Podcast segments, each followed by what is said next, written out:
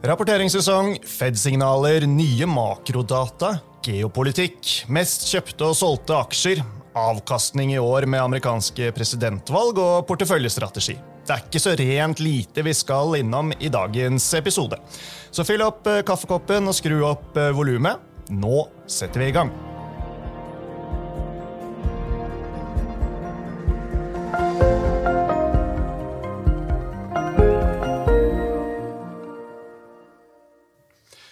Velkommen til eh, Utbytte, DNB-podkasten der vi forklarer hva som skjer innen den globale økonomien og finansmarkedene. Jeg er Marius Brun Haugen, og med meg har jeg aksjestrateg Paul Harper og investeringsstrateg Lars Erik Aas. Velkommen, begge to. Tusen takk. Takk, takk. Ja, Pål er jo fast inventar her i utbytte, mens du, eh, Lars Erik, er nok et uh, nytt bekjentskap for en del av lytterne våre. Du har vært med i en episode før, men uh, kort om deg. Du jobber i Welt Management Investment Office her i DNB, som også jeg ganske nylig er blitt en del av selv, og der hjelper vi kundene våre på tvers av ulike aktivaklasser i tett samarbeid med forretningsområdene våre, sånn som aksjesiden, som Pål representerer, f.eks.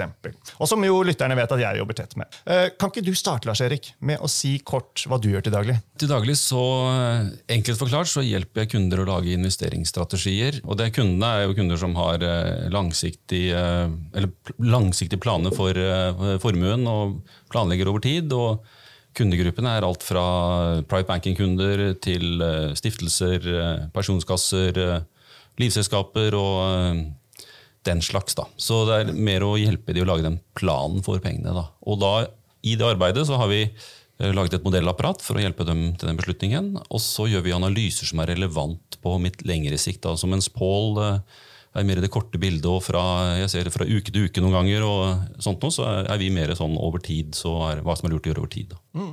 Veldig bra, det. Jeg tenker at uh, To strateger det må jo være bedre enn én. Uh, Nå koker det jo såpass bra i finansmarkedene, i makrobildet og geopolitikken at uh, det neppe er feil å få flere perspektiver på en del ting. Og jeg tror at dere kommer til å utfylle hverandre ganske så bra. Ja. Paul har jo vært ganske tydelig på at uh, aksjer nå er høyt priset relativt til uh, renter. Uh, vi har gått fra at det ikke er noe særlig alternativ til aksjer, til at det definitivt er alternativer til aksjer. Så hva er den viktigste vurderingen man bør gjøre da, med tanke på porteføljesammensetning og risiko, sånn som markedene er priset, og, og du vurderer de finansielle utsiktene i dag, Lars Erik? Det, der vi begynner når vi jobber med denne tematikken, er jo å hjelpe kundene å finne ut hvilken risiko de tåler. Altså Hvor mye tåler du at det er svinger over tid? Og eh, det betyr tåler at du ikke gjør om planene. da. Sånn at du jeg tåler f.eks. at porteføljen min svinger med så og så mange prosent i året. Da har vi mye input til å hjelpe de til å gjøre riktig sammensetning av de ulike aktivene. altså Hvor mye aksjer du skal ha, renter, high yield, eiendom, private equity, hele, hele porteføljen. Mm. Så det er egentlig den enkleste, altså den vanskelige beslutningen, og det kommer til å bestemme avkastningen over tid. Hvis du titter på oljefondet, for eksempel, som er en suksess, så er jo det en suksess først og fremst fordi man lagde en strategi for investeringene. Eh, og 99% av avkastningen til oljefondet, som har blitt ganske mange tusen milliarder siden det startet, kommer fra Stortinget. Og ikke fra Norges Bank, selv om det kan virke sånn når man følger med i media. Det er altså 169 representanter på Stortinget som har gjort den kloke investeringsbeslutningen om å ha så og så mye aksjer, så og så mye i obligasjoner og så og så mye eiendom slash grønn infrastruktur. Da.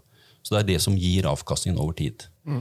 Oljefondet, eh, morsomt at du nevner det, de var ute med en sånn 2023-rap uh, nå denne uken. Uh, det gikk jo veldig bra for aksjer.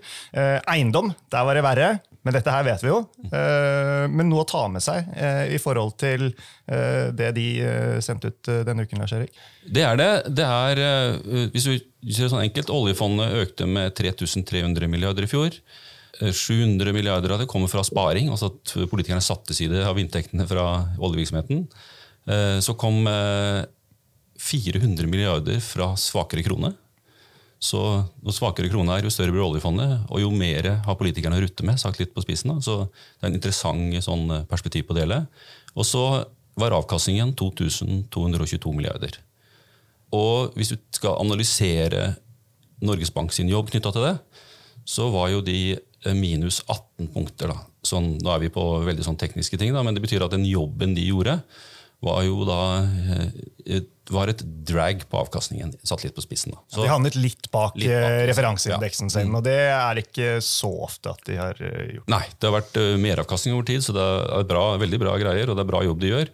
Men husk på, av de 2200 milliardene, det kom jo fra at man hadde 70% i aksjer og 25% i obligasjoner, og den her andelen i, i, i eiendom og grønn infrastruktur. da. Så det var egentlig, Selv da så var det strategien som gjorde at det dominerte. Det kunne hende at man gikk inn i året, så var kanskje Norges Bank mer negativ til aksjemarkedet enn hva det viste seg å være. Så hvis du hadde hatt større risikorammer, så kunne det hende at avkastningen ville blitt annerledes. da. Så det her er veldig sånn teknisk, men den strategien i bunnen er det helt sentrale da, over tid for avkastning. Bra det. Eh, vi får eh, gå fra det litt mer langsiktige til eh, det mer nære. Vi har lagt bak oss første måned i det nye året, Pål. Når vi sitter her, så er det altså fredag 2. februar. Klokken har passert ti.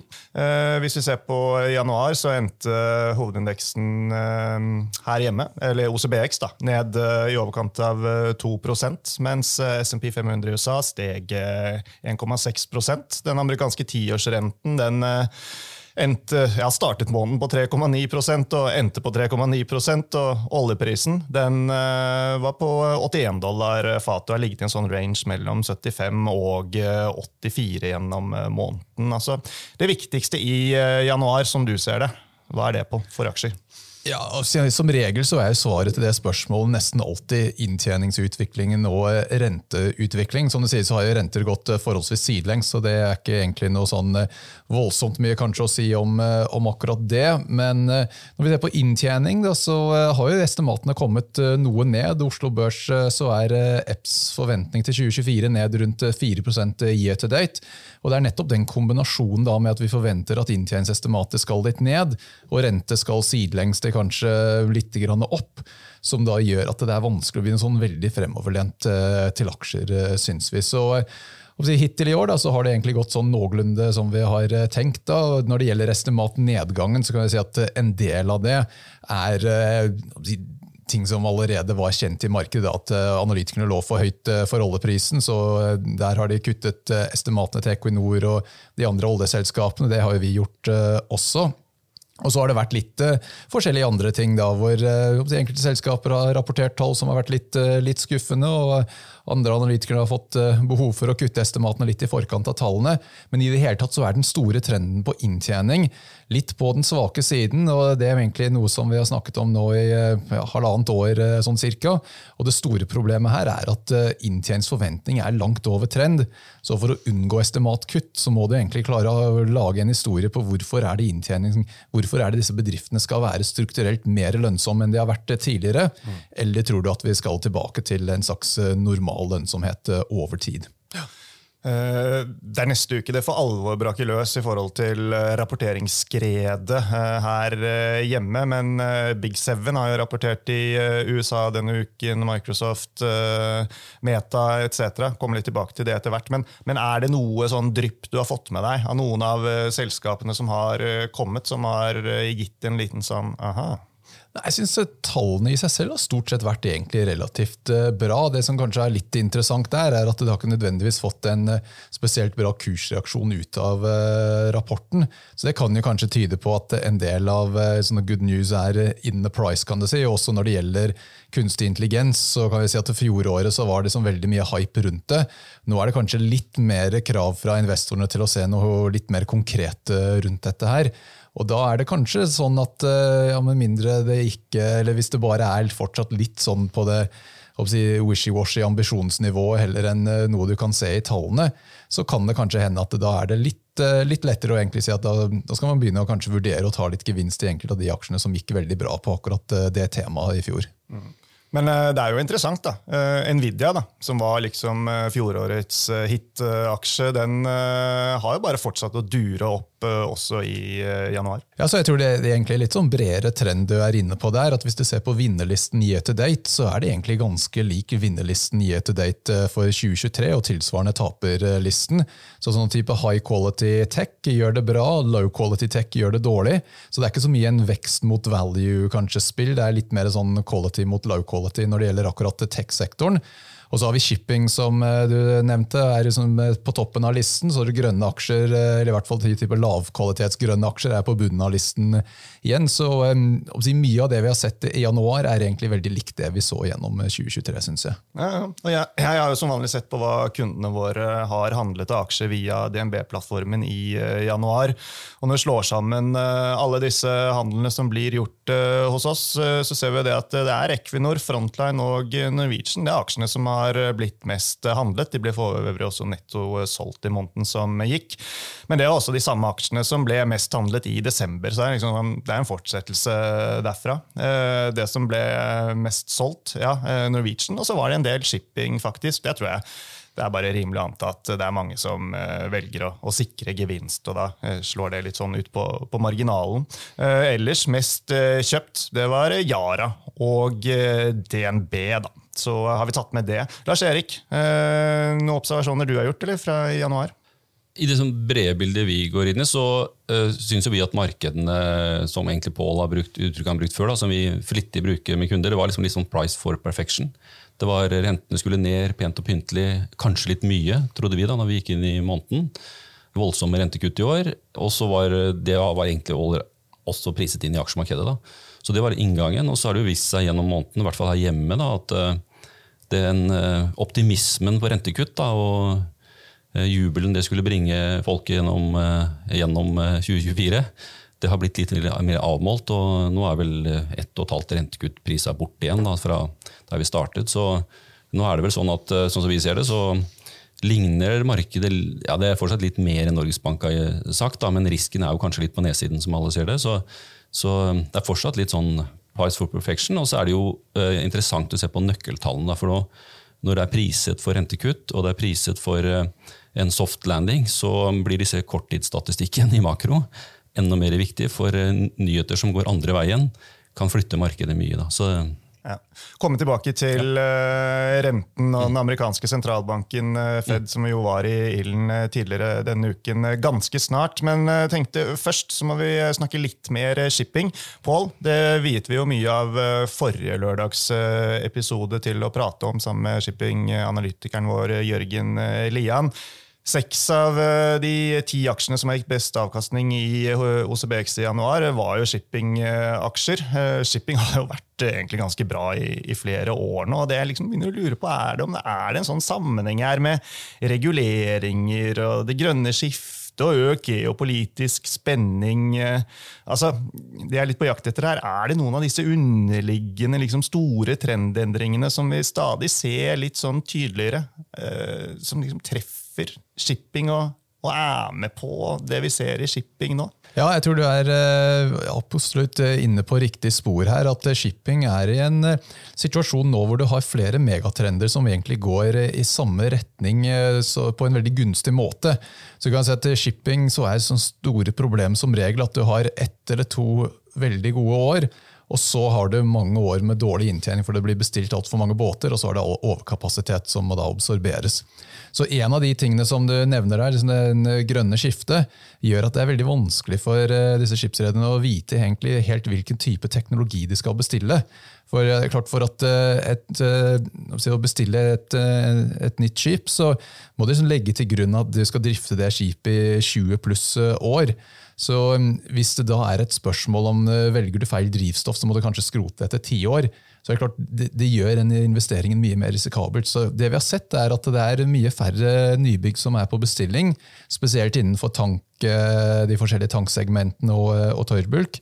Og til en viss grad også innenfor eh, gass, selv om det kommer litt mer nå i, i LNG-segmentet og, og, LPG etter hvert. Men eh, det at de har holdt igjen på å bestille nye skip som liksom en del av det grønne skiftet, gjør at det, det liksom den største trusselen til sektoren med over, eh, overbestilling har i hvert fall blitt utsatt eh, en god stund.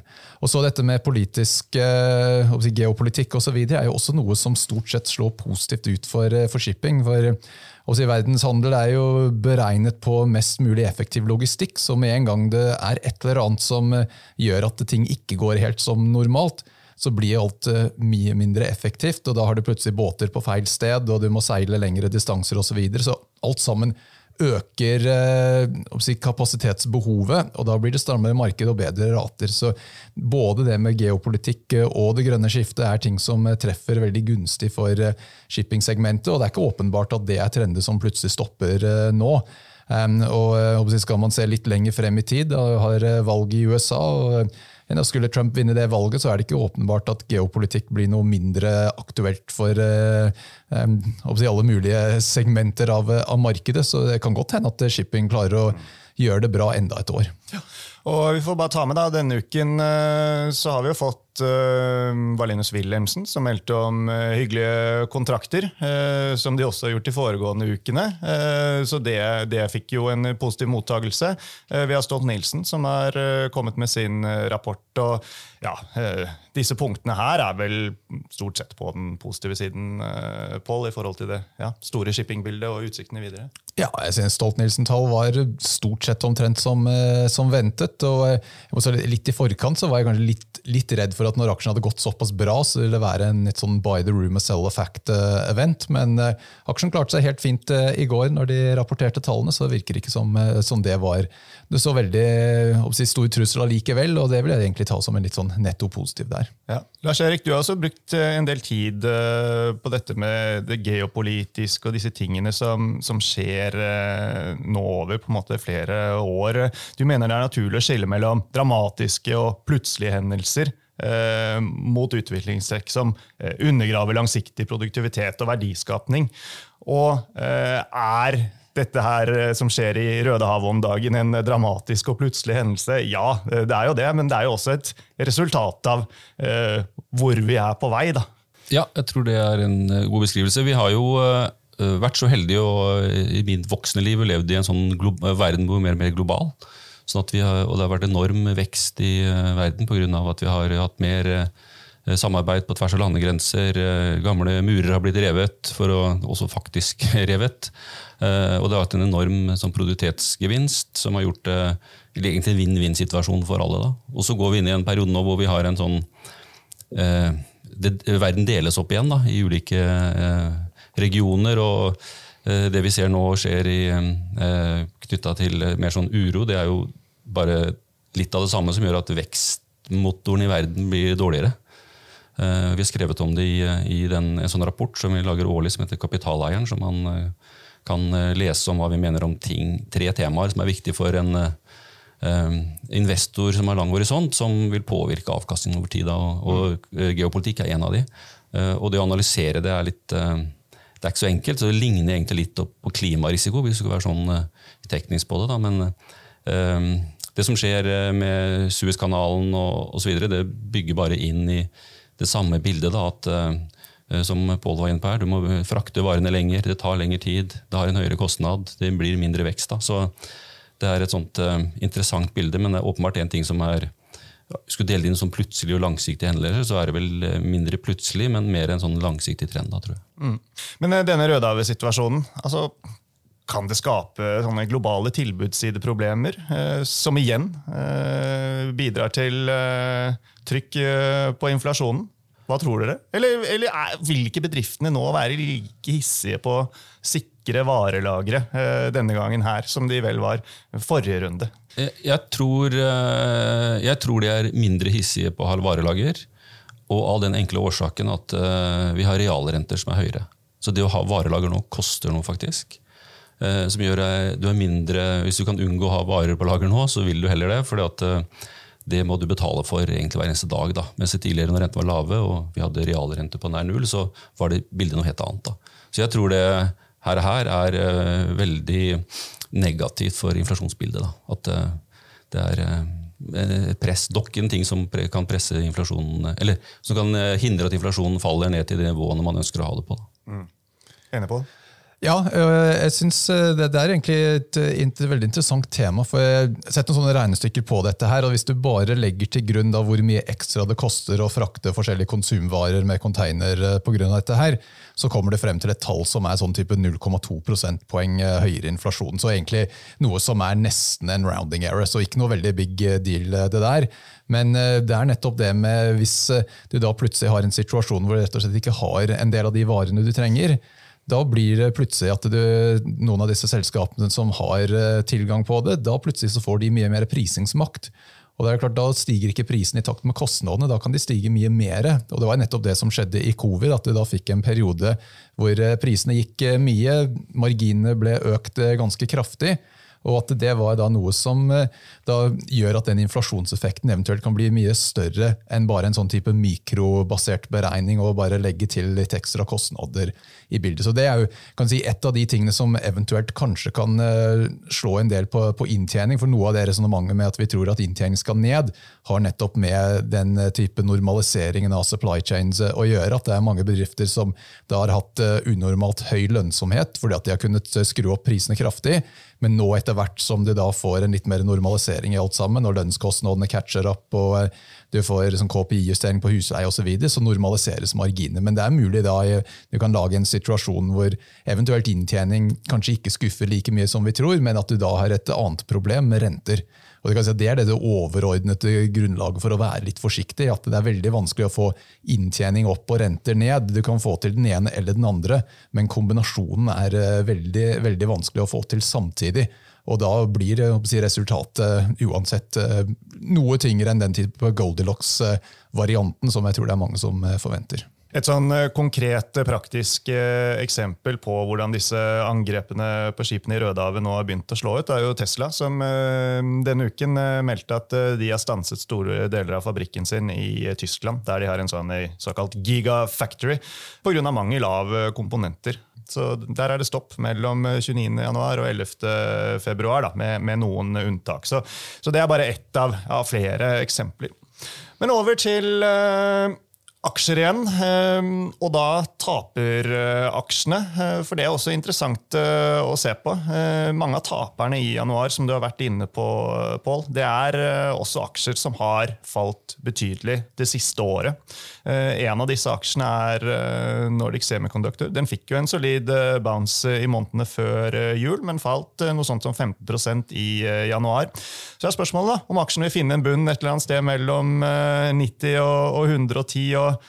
markere en litt sånn tydeligere høyere bunn i, i chartet. Det, det, gjenstår jo å se. Eh, analytikeren eh, i DNB Markets, Kristoffer Bjørnsen, tok jo ned aksjen til eh, hold nylig eh, og satte kursmålet til 113. Eh, han pekte bl.a. på at det fikk ikke helt de tilbakemeldingene han ønsket i Las Vegas. Jeg var på tur der eh, sammen med ham.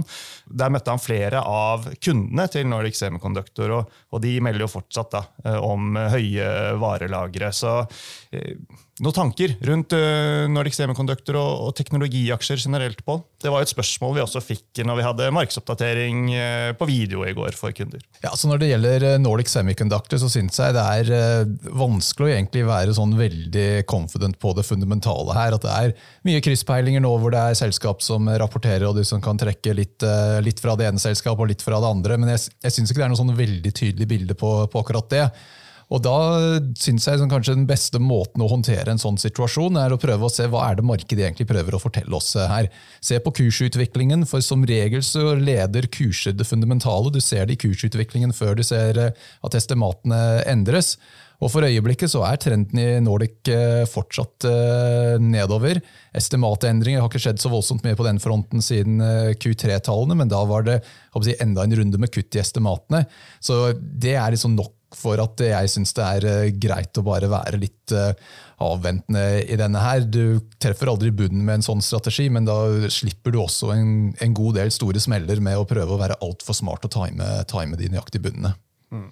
Over til eh, en annen sektor, nemlig eh, forsikring. og Man kan kanskje si at eh, det er litt traust, og det skal det være. Gjensidige har jo ikke startet året så bra. Det har vi jo snakket om tidligere når de kom med tall. Men Protektor, som er en betydelig mindre aktør, men en utfordrer, de leverte sin rapport denne uken, og den var jo supersolid. og Aksjen ble belønnet med å toppe vinnerlisten torsdag, opp omtrent 15 ja, Så hva er vurderingen videre for Protektor sånn i korte trekk på?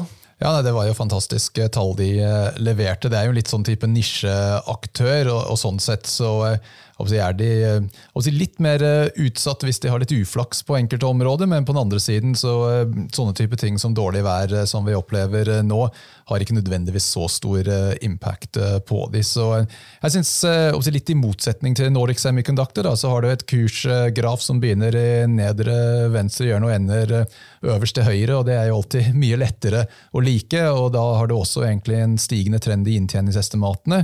Syns heller ikke prising er noe sånn voldsomt avskrekkende. så Der det, tikker du egentlig alle de boksene på motsatt vei enn det du gjør i, i Nordic Semiconductor. Da vil jeg si at uh, konklusjonen blir mye lettere å, å være på den positive siden skal vi si Akkurat uh, i dag da, så har det en RSI på 77, så du kan si den er litt overkjøpt etter den reaksjonen i går. Men jeg vil si at det er absolutt en buy the dip-kandidat hvis det kommer en dip.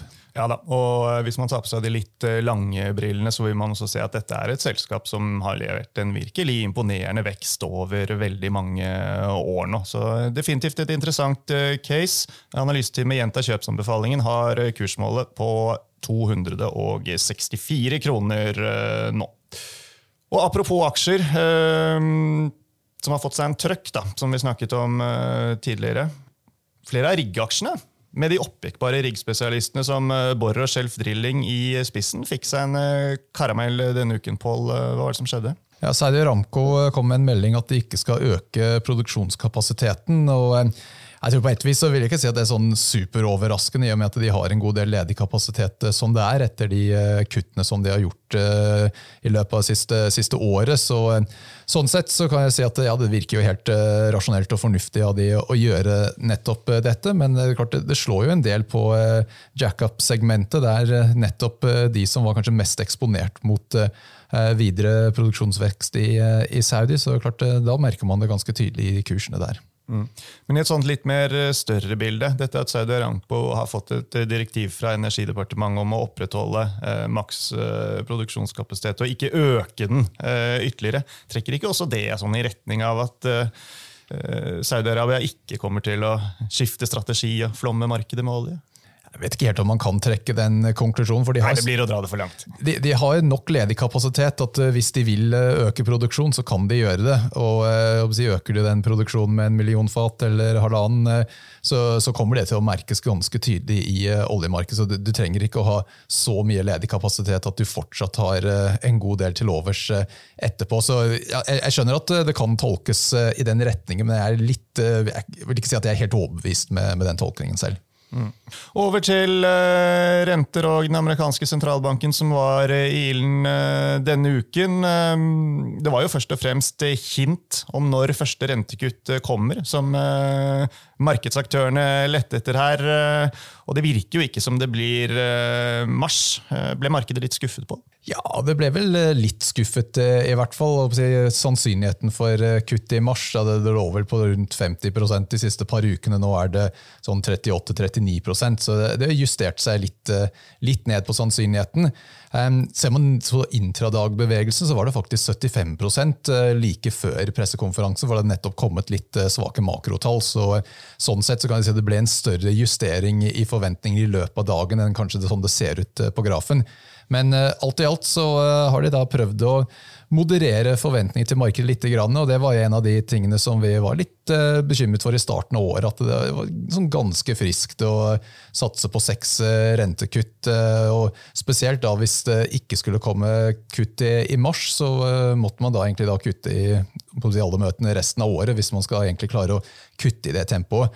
Og et, et siste punkt på akkurat det, at det var jo også en tale fra en av de Fed governors nå for et par uker siden, hvor han påminnet det at når du ser på tidligere episoder med rentekutt, så har jo de som regel kommet i perioder hvor det har vært eh, enten eh, resesjon allerede har startet, eller at det er eh, åpenbart at man er på vei inn i resesjon. Det er jo ikke situasjonen akkurat nå, så da kan man ikke egentlig si at den type kuttfrekvensen som man gjerne har hatt tidligere, er noe god sånn type ledetråd for hva man kan forvente kommer denne gangen. Det er mer naturlig at det blir litt, litt mer forsiktig eh, kutt. Da kanskje ett kutt i kvartalet ville være en eh, rimelig antagelse. Mulig kanskje at du kan eh, presse det opp til fem. men jeg syns seks kutt virker litt vel optimistisk. og Fortsatt da så er det kanskje noe, noe risiko at markedet fortsatt må liksom prise bort litt mer kutt enn det de har gjort allerede. For Rentekuttene de nærmer seg. Det er det ikke noe tvil om, Lars Erik, eller, eller hva? Uh, nei, det tror jeg ikke det er noe tvil om. og Hvis du, hvis du titter på euroland, da, som, uh, så ser du at Tyskland har nå to kvartaler med negativ BNP-vekst, som da er jo teknisk resesjon, hvis du er samfunnsøkonom og litt nerdete.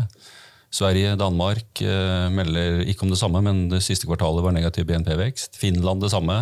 Det er ikke noen betydningsfulle land i, i eurosonen, men det er helt tydelig at pengepolitikken virker. da og at økonomien bremses. Og vi ser jo også inflasjonstallene tikker nedover. De tikker jo nedover fordi at de var høye før. òg, for så vidt, Sånn, Det er litt sånn teknisk òg, men, men, det er momentum i så Jeg tror man har litt selvtillit når man kutter og tror man skal få en soft landing. og eh, det blir, eh, Jeg tror det er greia. Og USA de har jo signalisert at de gjør det. Nå er det snakk om når. Norges Bank det samme. så eh, At vi får det i 2024 er jeg ganske sikker på. Det er dårlige odds på å få det, for så vidt, så det er ikke overraskende. Men eh, det tror jeg vi får. Og så blir det jo egentlig å følge korttidsstatistikken. Vi får jo en god indikasjon i eh, ettermiddag. da, som eh, Det er jo fredag, og det er jo en eh, non-farm friday. Så det er spennende å se hva arbeidsledighetsstatistikken for USA vil fortelle oss om hvordan det er der. For det tror jeg er det aller viktigste for USA sin del. I hvert fall. Ja da. Månedens viktigste tall, er ikke det vi pleier å kalle det. Vi har jo fått tall for ISM-en for industrien i USA tikket litt oppover, Pål? I riktig retning? Ja, så jeg, jeg, tror ikke det som det Men det er kanskje ikke så viktig? Markedet legger ikke så mye vekt på det? Ja, Det legger en del vekt på, på de tallene, men det, det, egentlig illustrerer litt av utfordringen som Fed har. at uh, Mens i Europa så, uh, så går ting uh, dårligere. I USA så har vi nå, For et år siden så trodde mange det skulle være resesjon i USA, og det viste seg at fasit var vekst som er bedre enn trend. Ikke bare et ok år, men ok pluss.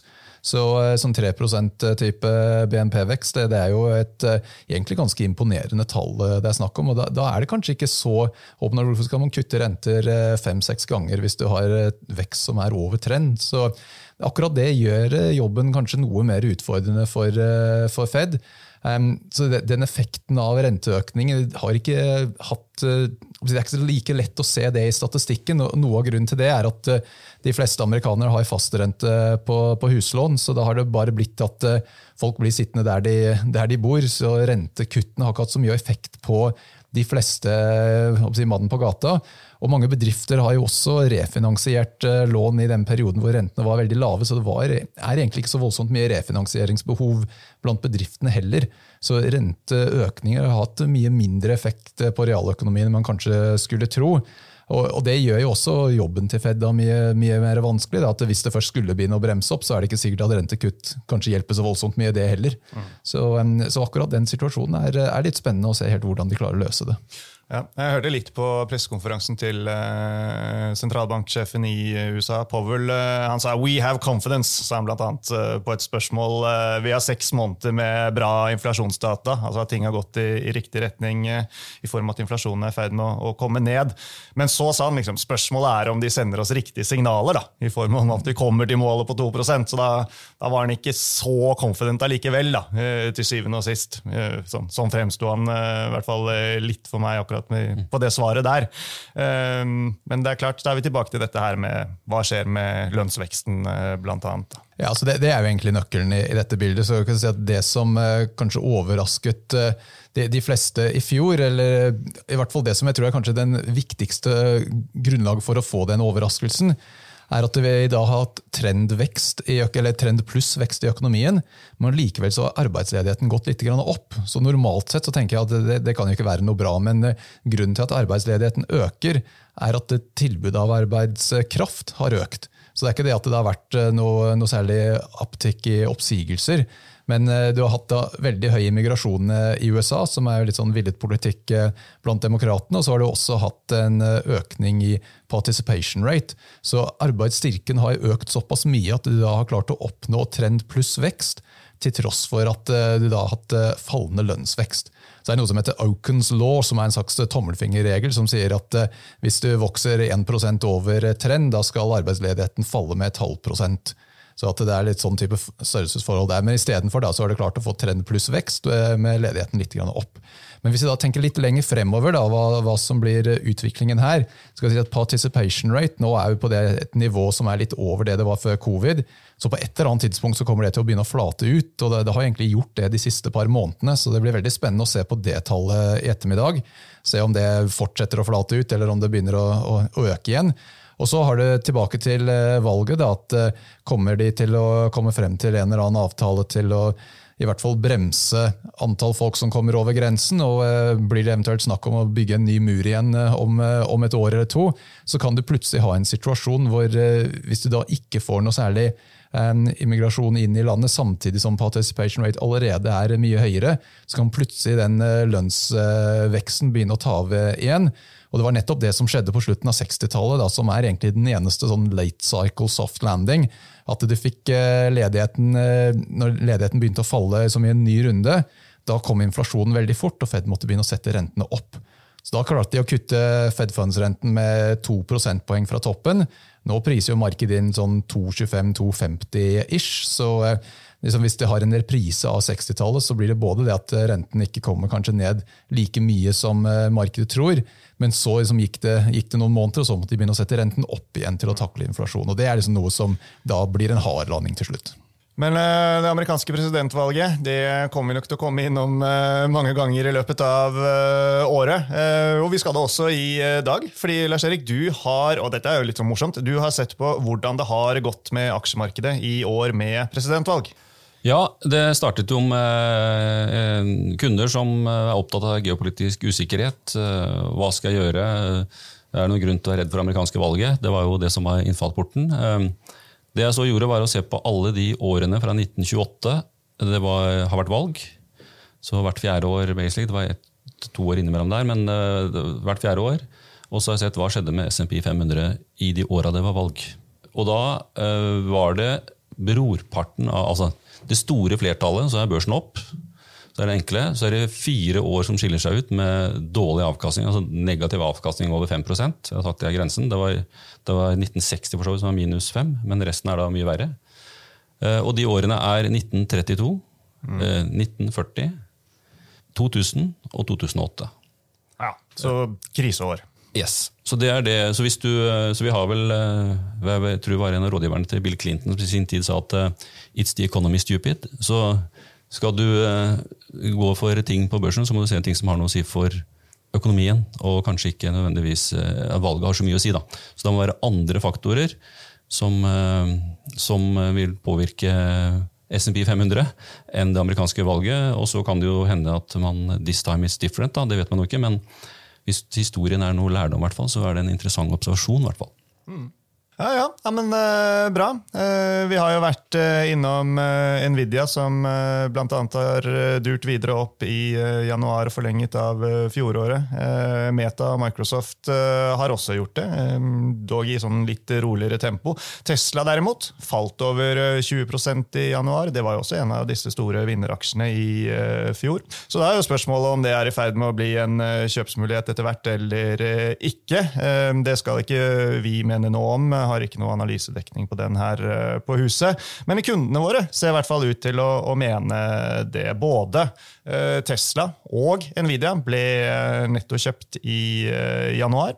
Og vi snakket om dette i sted, Pål. Jeg syns det er interessant da, at de fortsetter å kjøpe Nvidia. For vanligvis så er jo det mønsteret vi ser at på marginalen, når en aksje stiger voldsomt i løpet av en måned, så blir det litt type gevinstsikring i det. Men uh, over til en siste ting. Det er uh, nemlig Europris. Den valgte du å ta ut av porteføljen med anbefalte aksjer i starten av uh, denne uken. Paul. Var litt bekymret inn mot rapportering, rapporteringen. Ville ta ned litt risiko, og det viste seg å treffe ganske greit. Ja, nei, Vi var litt heldige med timingen der, så vi både traff ganske bra når vi tok den inn i fjor høst, men det er litt, litt den utfordringen man har at hvis, hvis en aksje har gått veldig bra inn mot tallene, så er den terskelen for å liksom overraske positivt eh, ofte litt høyere. og I akkurat dette tilfellet da, så faktisk var det litt dårligere enn en ventet eh, på tallene. Så da har den fått en, en, solid nedgang nå de siste dagene. Så, sånn sett så, så syns jeg det er litt, sånn, litt when in doubt, så er det greit å kanskje ta litt, litt gevinst. Så får man heller bare kjøpe det tilbake igjen dagen etter. Men da begynner man i hvert fall litt med blanke ark. og En av de tingene som er veldig vanskelig, er at du har en sånn slags mental mental sperret når et eller annet først har begynt å falle. Så tenker jeg gi det en dag til, så kommer det opp igjen. Men eh, hvis du kan da begynne litt mer med, med blanke ark, så er det gjerne litt lettere å ta riktig beslutning. Så, eh, så jeg synes ofte da, hvis man, er, hvis man, er, litt i tvil eh, rundt en sånn situasjon, så kan det være litt bedre å heller, heller ta gevinsten og så vurdere på nytt igjen om man skal kjøpe, kjøpe tilbake. Men det som er interessant med europris, du kan si at estimatene nå kommer litt, litt ned de ødelegger litt eh, caset. for at, eh, som vi snakket om tidligere, at eh, vi tror flertallet av selskapene på Oslo Børs kommer til å ha negative estimatjusteringer i år, så jeg vil helst holde meg til de selskapene hvor estimatene justeres opp. Og nå er ikke europris i den kategorien lenger, etter egentlig å ha hatt stigende trend i estimater helt siden covid. Mm. Så det liksom ødelegger caset litt der. Men på den positive siden så har de da annonsert at de skal kjøpe opp de resterende 80% av overskuddsbolaget. Og det tror jeg er en, en, veldig bra deal. De får både en uh, billig pris på dette, her, så det blir veldig innvandrende for, uh, for Europris. Og så har den egentlig, Det skal være ganske god potensial her for å forbedre driften i selskapet. Og det gir en vekstangle på Europris som de har manglet litt i det siste. Så igjen da, Hvis det viser seg at Q4 var litt uflaks og en del litt stang ut her og der, så kan det godt hende at det kan være et godt tidspunkt snart å, å komme seg inn igjen. Men eh, jeg er litt sånn avventende nettopp fordi at de har eh, da brutt den positive trenden. Eh, og igjen så syns jeg det alltid er litt bedre å heller være litt sent ute enn å være, risikere å være for tidlig ute, og så plutselig så, så sitter man på et 10-20% tap før det eventuelt bunner ut. Ja. Og Mandag morgen da er vi som vanlig tilbake med oppdatering av porteføljen med anbefalte aksjer. Pål, det foregår live i, uh, inne i aksjehandelsløsningen til uh, eh, DNB uh, eh, kvart på ni. ellers neste uke så er det jo masse selskaper som skal rapportere på Oslo Børs, så det satser vi på at blir relevante temaer å snakke om til neste ukes episode her i podkasten. I tillegg kan jeg også legge ut en liten teaser for et webinar vi skal ha på video, som dere kan følge hvis dere har eh, tid og lyst og vil finne opptak av inne i aksjehandelsløsningen, da skal vi sette fokuset på helsesektoren. Det er tirsdag. Vi har jo blant annet også hatt eh, Novo Nordisk, som har eh, vært i ilden denne uken. Så mye spennende som skjer også på, på helsefronten. Med det så er vi kommet til veis ende for i dag, så da gjenstår det bare å si tusen takk til dere begge for at dere var med, og sist, men ikke minst, tusen takk, folkens, til alle dere som hørte på.